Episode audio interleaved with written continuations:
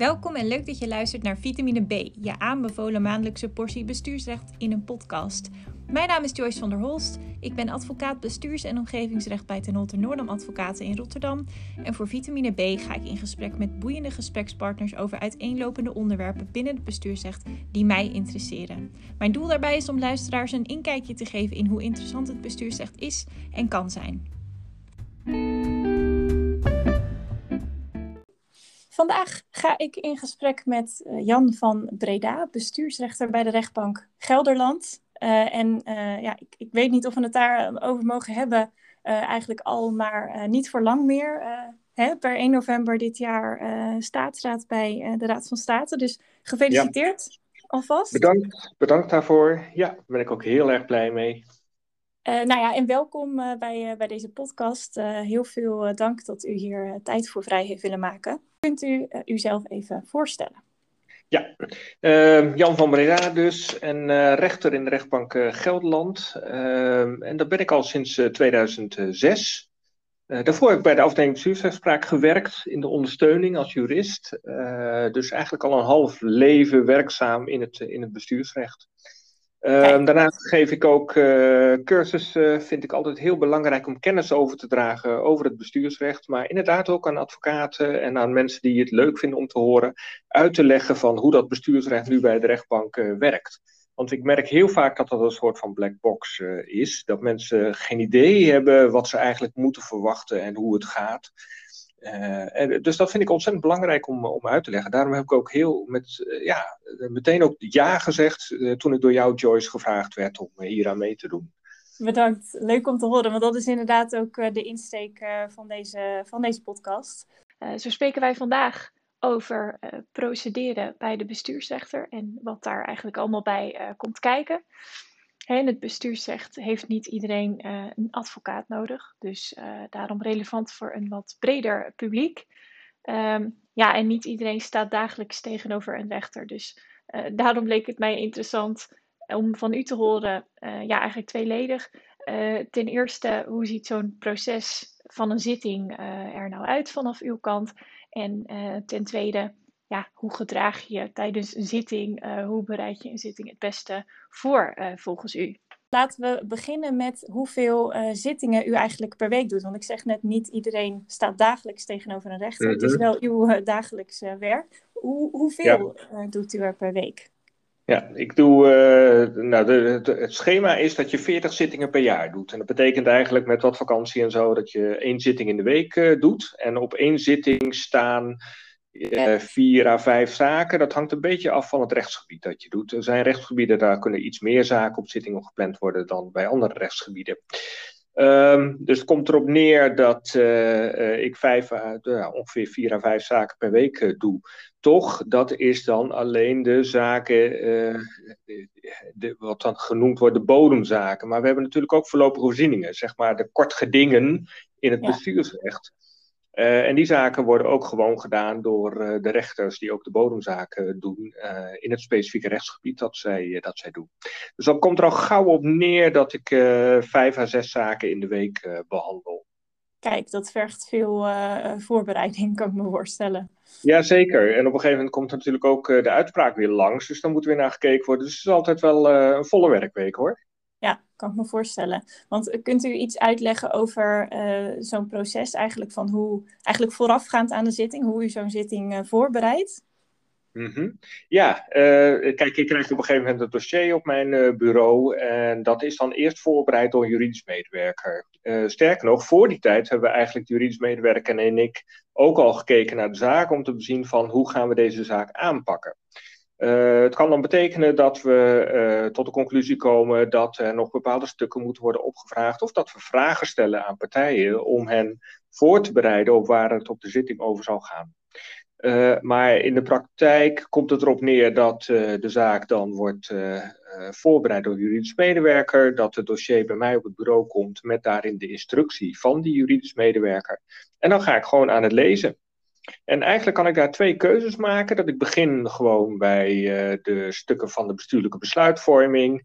En dan langzaamaan toewerk naar, laat ik zeggen, het heden, de laatste stukken wat er is binnengekomen, het beroepsschrift, het verweerschrift van het bestuursorgaan.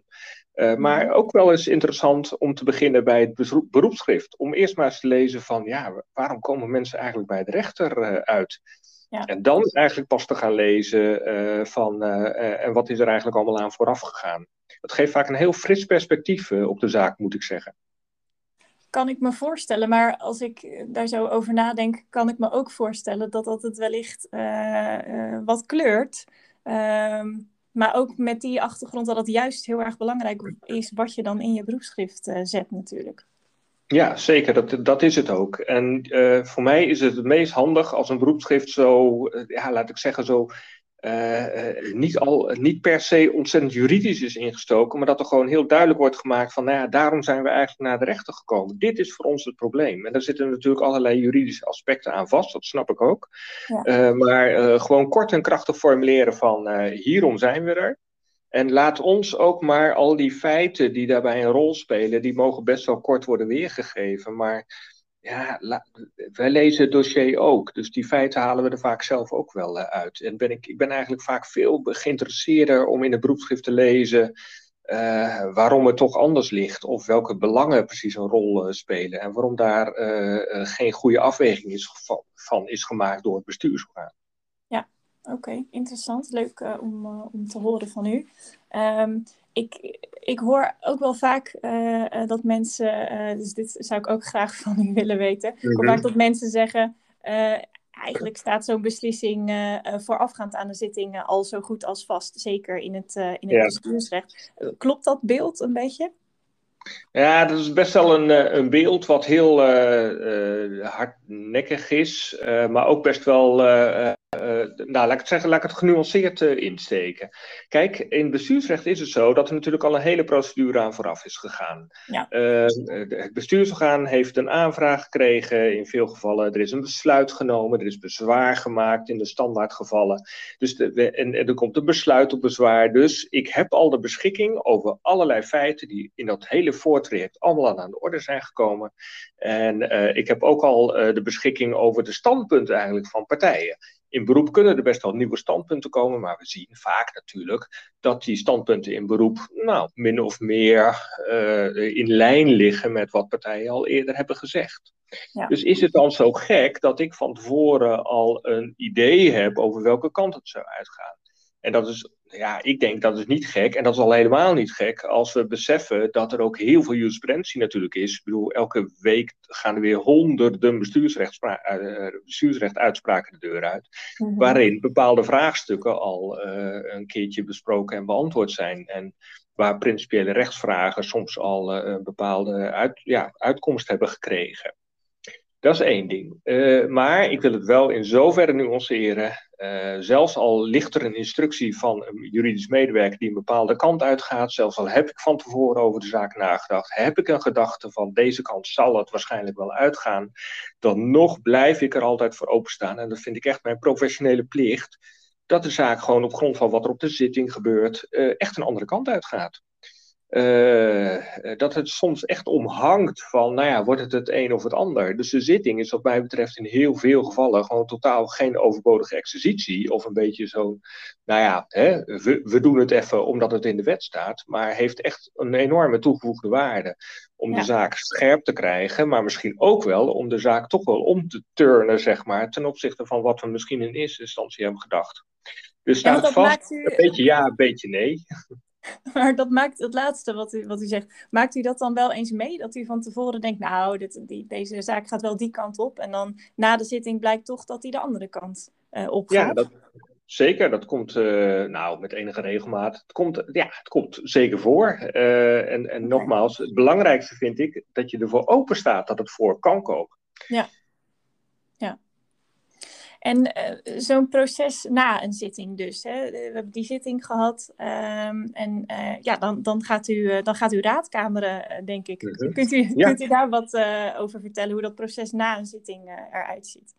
Precies, dan gaan we raadkameren, de juridisch medewerker en ik. Ik ga nu even uit van een enkelvoudige zitting hè, voor de liefhebbers. Mm -hmm. De juridisch medewerker en ik Uh, en dat kan hele verschillende vormen aannemen. Um, het kan zijn dat die instructie van de juridische medewerker al eigenlijk een hele mooie kant-en-klare uitspraak oplevert. Dat de zitting niets nieuws heeft opgeleverd. Of dat we bepaalde dingen op de zitting maken dat we nog even een zekere aanscherping plegen. Maar het kan dus ook zijn dat we uh, in de raadkamer tot de conclusie komen dat het anders moet.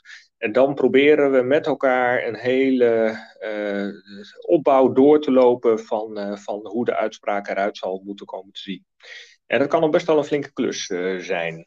Alle argumenten die een rol spelen, een plekje geven in het hele bouwwerk van die uitspraak. Uh, dat, dat is best wel ingewikkeld. En dan nog zal je zien dat als de uitspraak dan daadwerkelijk van de juridisch meewerker naar mij komt, om, mee te, om, om die te bekijken en, en daar mijn akkoord op te geven, dat ik daar ook nog best wel veel in, in kan veranderen. Maar die raadkamer die is echt wel bedoeld om definitieve knopen door te hakken van nou zo gaan we het doen. Oké.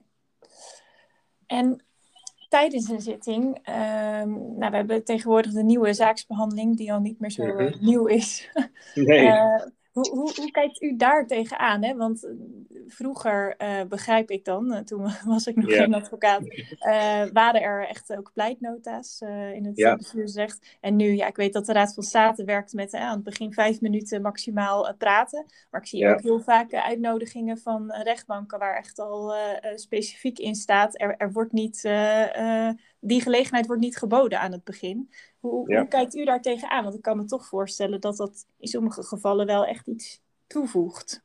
Ja, nou, de, in de eerste plaats wil ik even opmerken: de nieuwe zaaksbehandeling is niet alleen al uh, oud, die is eigenlijk inmiddels uh, afgeschaft. We, ze, hebben, ze hebben inmiddels te maken met de professionele standaard bestuursrecht. Uh, we hebben echt als rechtspraak afgesproken van nou, de nieuwe zaaksbehandeling is pas hebben we gehad, is afgerond als project. Okay, ja. Ja. Dus dat ten, dat ten eerste. Maar goed, professionele standaard bestuursrecht heeft heel veel inzichten vanuit de nieuwe zaaksbehandeling wel meegenomen. En een van die inzichten is inderdaad de kwestie van die pleitnota's. Het is ontzettend goed, Joyce, dat je dat even benoemt, omdat ik merk dat daar nog wel behoorlijk veel misverstanden over zijn. Mm-hmm. Uh, ik zelf ben een ontzettend tegenstander van pleitnota's. Uh, uh, toen ik begon als bestuursrechter in 2006, 2007, toen hadden we, en, en, daarvoor al bij de afdeling bestuursrechtspraak, hadden we heel veel pleitnota's. En dat waren eind, nou goed, ik, mensen doen ontzettend best op die pleitnota's, hè?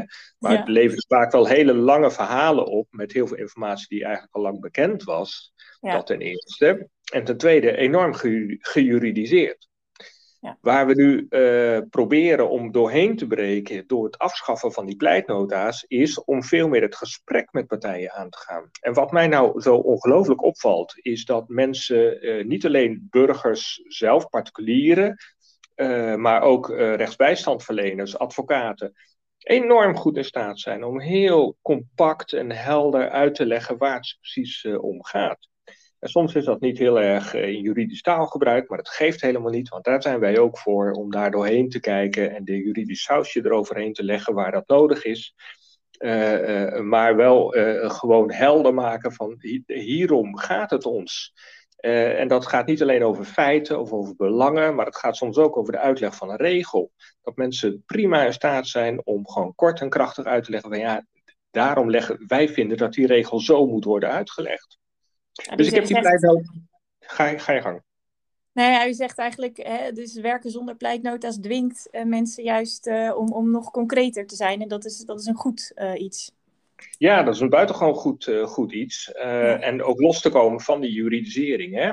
Ja. Want we proberen natuurlijk ook in het kader van die nieuwe zaaksbehandeling en die professionele standaard om te kijken van, nou, zijn er, is er nog ruimte om tot elkaar te komen. Nou ja, zodra je een pleitnota hebt, dan, dan wordt dat moeilijker om dat met elkaar in bespreking te brengen, omdat iedereen dan al in de juridische loopgraven zit.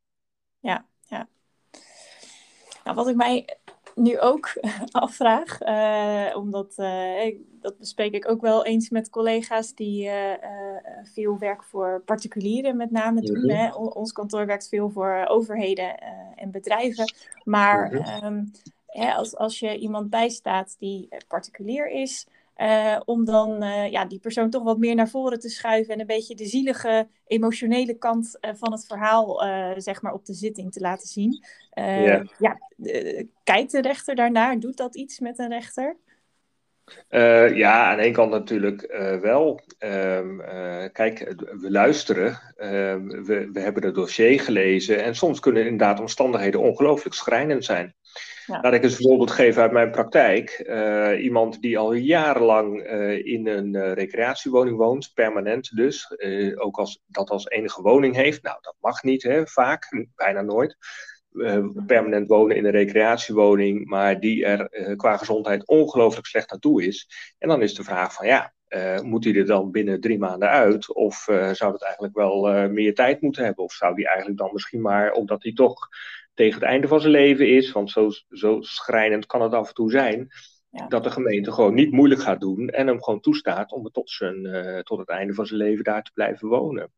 Uh, natuurlijk uh, horen we die verhalen aan en, en kan het helpen als iemand gewoon vanuit zijn hart zeg maar, vertelt van hoe hij zaken beleeft en, en wat hij nog hoopt te bereiken bij deze procedure. alleen wij kunnen niet laat ik het zo zeggen, ik probeer dat altijd wel in een uh, zekere juridisch kader te plaatsen. Ja. Uh, dat zou bijvoorbeeld kunnen betekenen dat mijn conclusie is dat het bestuursorgaan te weinig aandacht heeft gehad voor de specifieke belangen hier. Uh, maar de, de gedachte van, nou ja, zielige iemand en dan, dan, nou ja, dan pinkt de rechter ook een traan weg en win je de zaak. Dat is voor mij altijd een beetje te kort door de bocht. Heeft u een bepaald moment, misschien is dat wel uh, iets wat hierop aansluit, uh, maar heeft u een bepaald moment in de zittingszaal, uh, ja, eigenlijk wat u het meest is bijgebleven? Ja, nou, er zijn altijd zaken die heel erg bijblijven, om, om hele verschillende redenen. Ehm, wat ik er eens uit zou kunnen halen, om, omdat hij om een paar redenen wel, wel interessant en mooi was en goed was. Dat was uh, uh, de granulietzaak uh, over de stort van granuliet in Over de Maas. Mm -hmm. Nou, eh, voor wie iets heeft van waar ging dat ook weer over, typ even in, in je zoekmachine granuliet en Over de Maas. En dan komen alle documenten erover naar, naar boven, inclusief tv-uitzendingen. Die zaak was politiek ook heel erg gevoelig, tot en met het niveau van het ministerie, dat we een livestream uit hebben gezonden voor de behandeling van die zaak. Dat was voor mijzelf, vond ik dat al, was een voorlopige voorziening, vond ik al heel erg, ja, best wel een beetje spannend. Voor rechter kan het ook spannend zijn natuurlijk. Ja, ja. En ook heel mooi en interessant om te doen. Het mooie van die zaak was ook wel ehm, dat degene die die vergunning had voor het starten van de granuliet, uh, uh, moet ik er even bij zeggen, de gedachte was bij het gemeentebestuur en bij omwonenden dat dat granuliet giftig zou zijn voor, voor de plas, over, voor, over de Maas. Dus die mhm. wilden dat die, dat die granulietstort zou stoppen, maar die was al tijden doorgegaan. Uh, dat diegene die de toestemming had, de vergunning had om dat granuliet te storten, op een gegeven moment aan het einde van de zitting zelf aanbood om daar op korte termijn mee, mee te stoppen.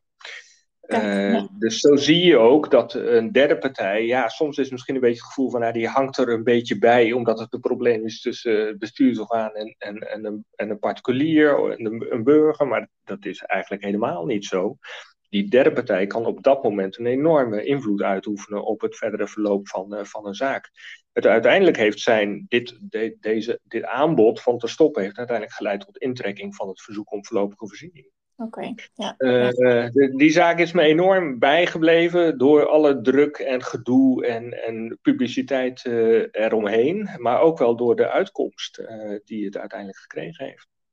Maar nu was dit dan de uitkomst inderdaad, een intrekking. Maar ehm, vindt u dat dan niet extra lastig, ook door al die media-aandacht? bent u dan niet bang dat uw mening daardoor wordt, wordt beïnvloed?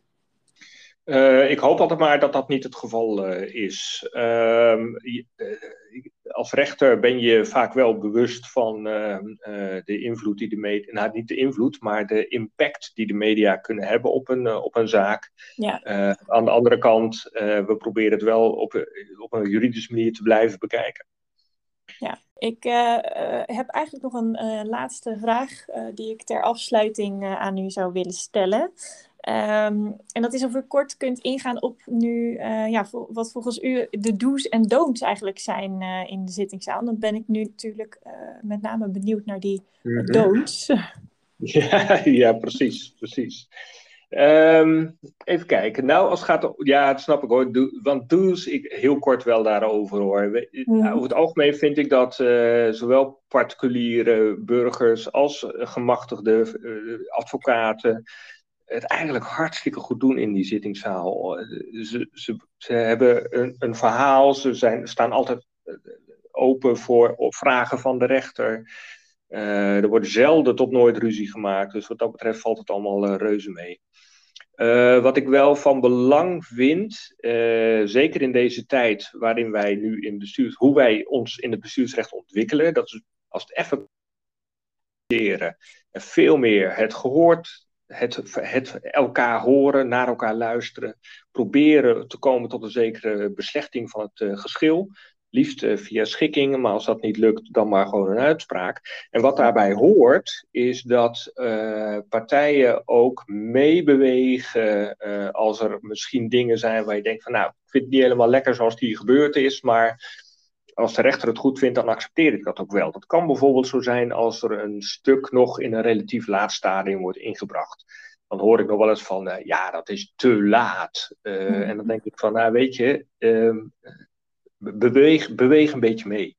Ja. Uh, dat kan zijn als er een aanbod wordt gedaan. Van, nou ja, probeer een beetje mee te bewegen dat we misschien toch met elkaar deze zaak kunnen oplossen. dat zou ik zelf wel een ontzettende do vinden. Uh, en, en een don't vind ik dus eigenlijk ja, het omgekeerde. Een beetje van, mhm. nou, hak, meteen de hak in het zand. Uh, hier wil ik niet over overleggen. Hier schiet ik de formaliteit in. Die rechter die probeert echt weg te blijven bij die formaliteiten. Me althans, meer dan in het verleden. Uh, en, en probeer daarin mee te bewegen. Dat zou wel voor mij een belangrijk iets, iets zijn wat ik graag wil meegeven aan de luisteraars van deze podcast. Oké, dankjewel. Ik, ik denk zeker dat uh, de praktijk uh, daar wel iets uh, aan heeft. Hartstikke bedankt. Ik wil daarmee eigenlijk tot een einde komen van deze podcast. Dus meneer Van Breda, hartelijk dank voor uw medewerking aan de podcast en voor dit leuke gesprek. Ja, dankjewel Joyce. Ik vond het ontzettend leuk om hier ook aan, aan mee te werken. Ah, heel fijn om te horen, dankjewel. En aan de luisteraars, bedankt voor het luisteren en graag tot een volgende keer.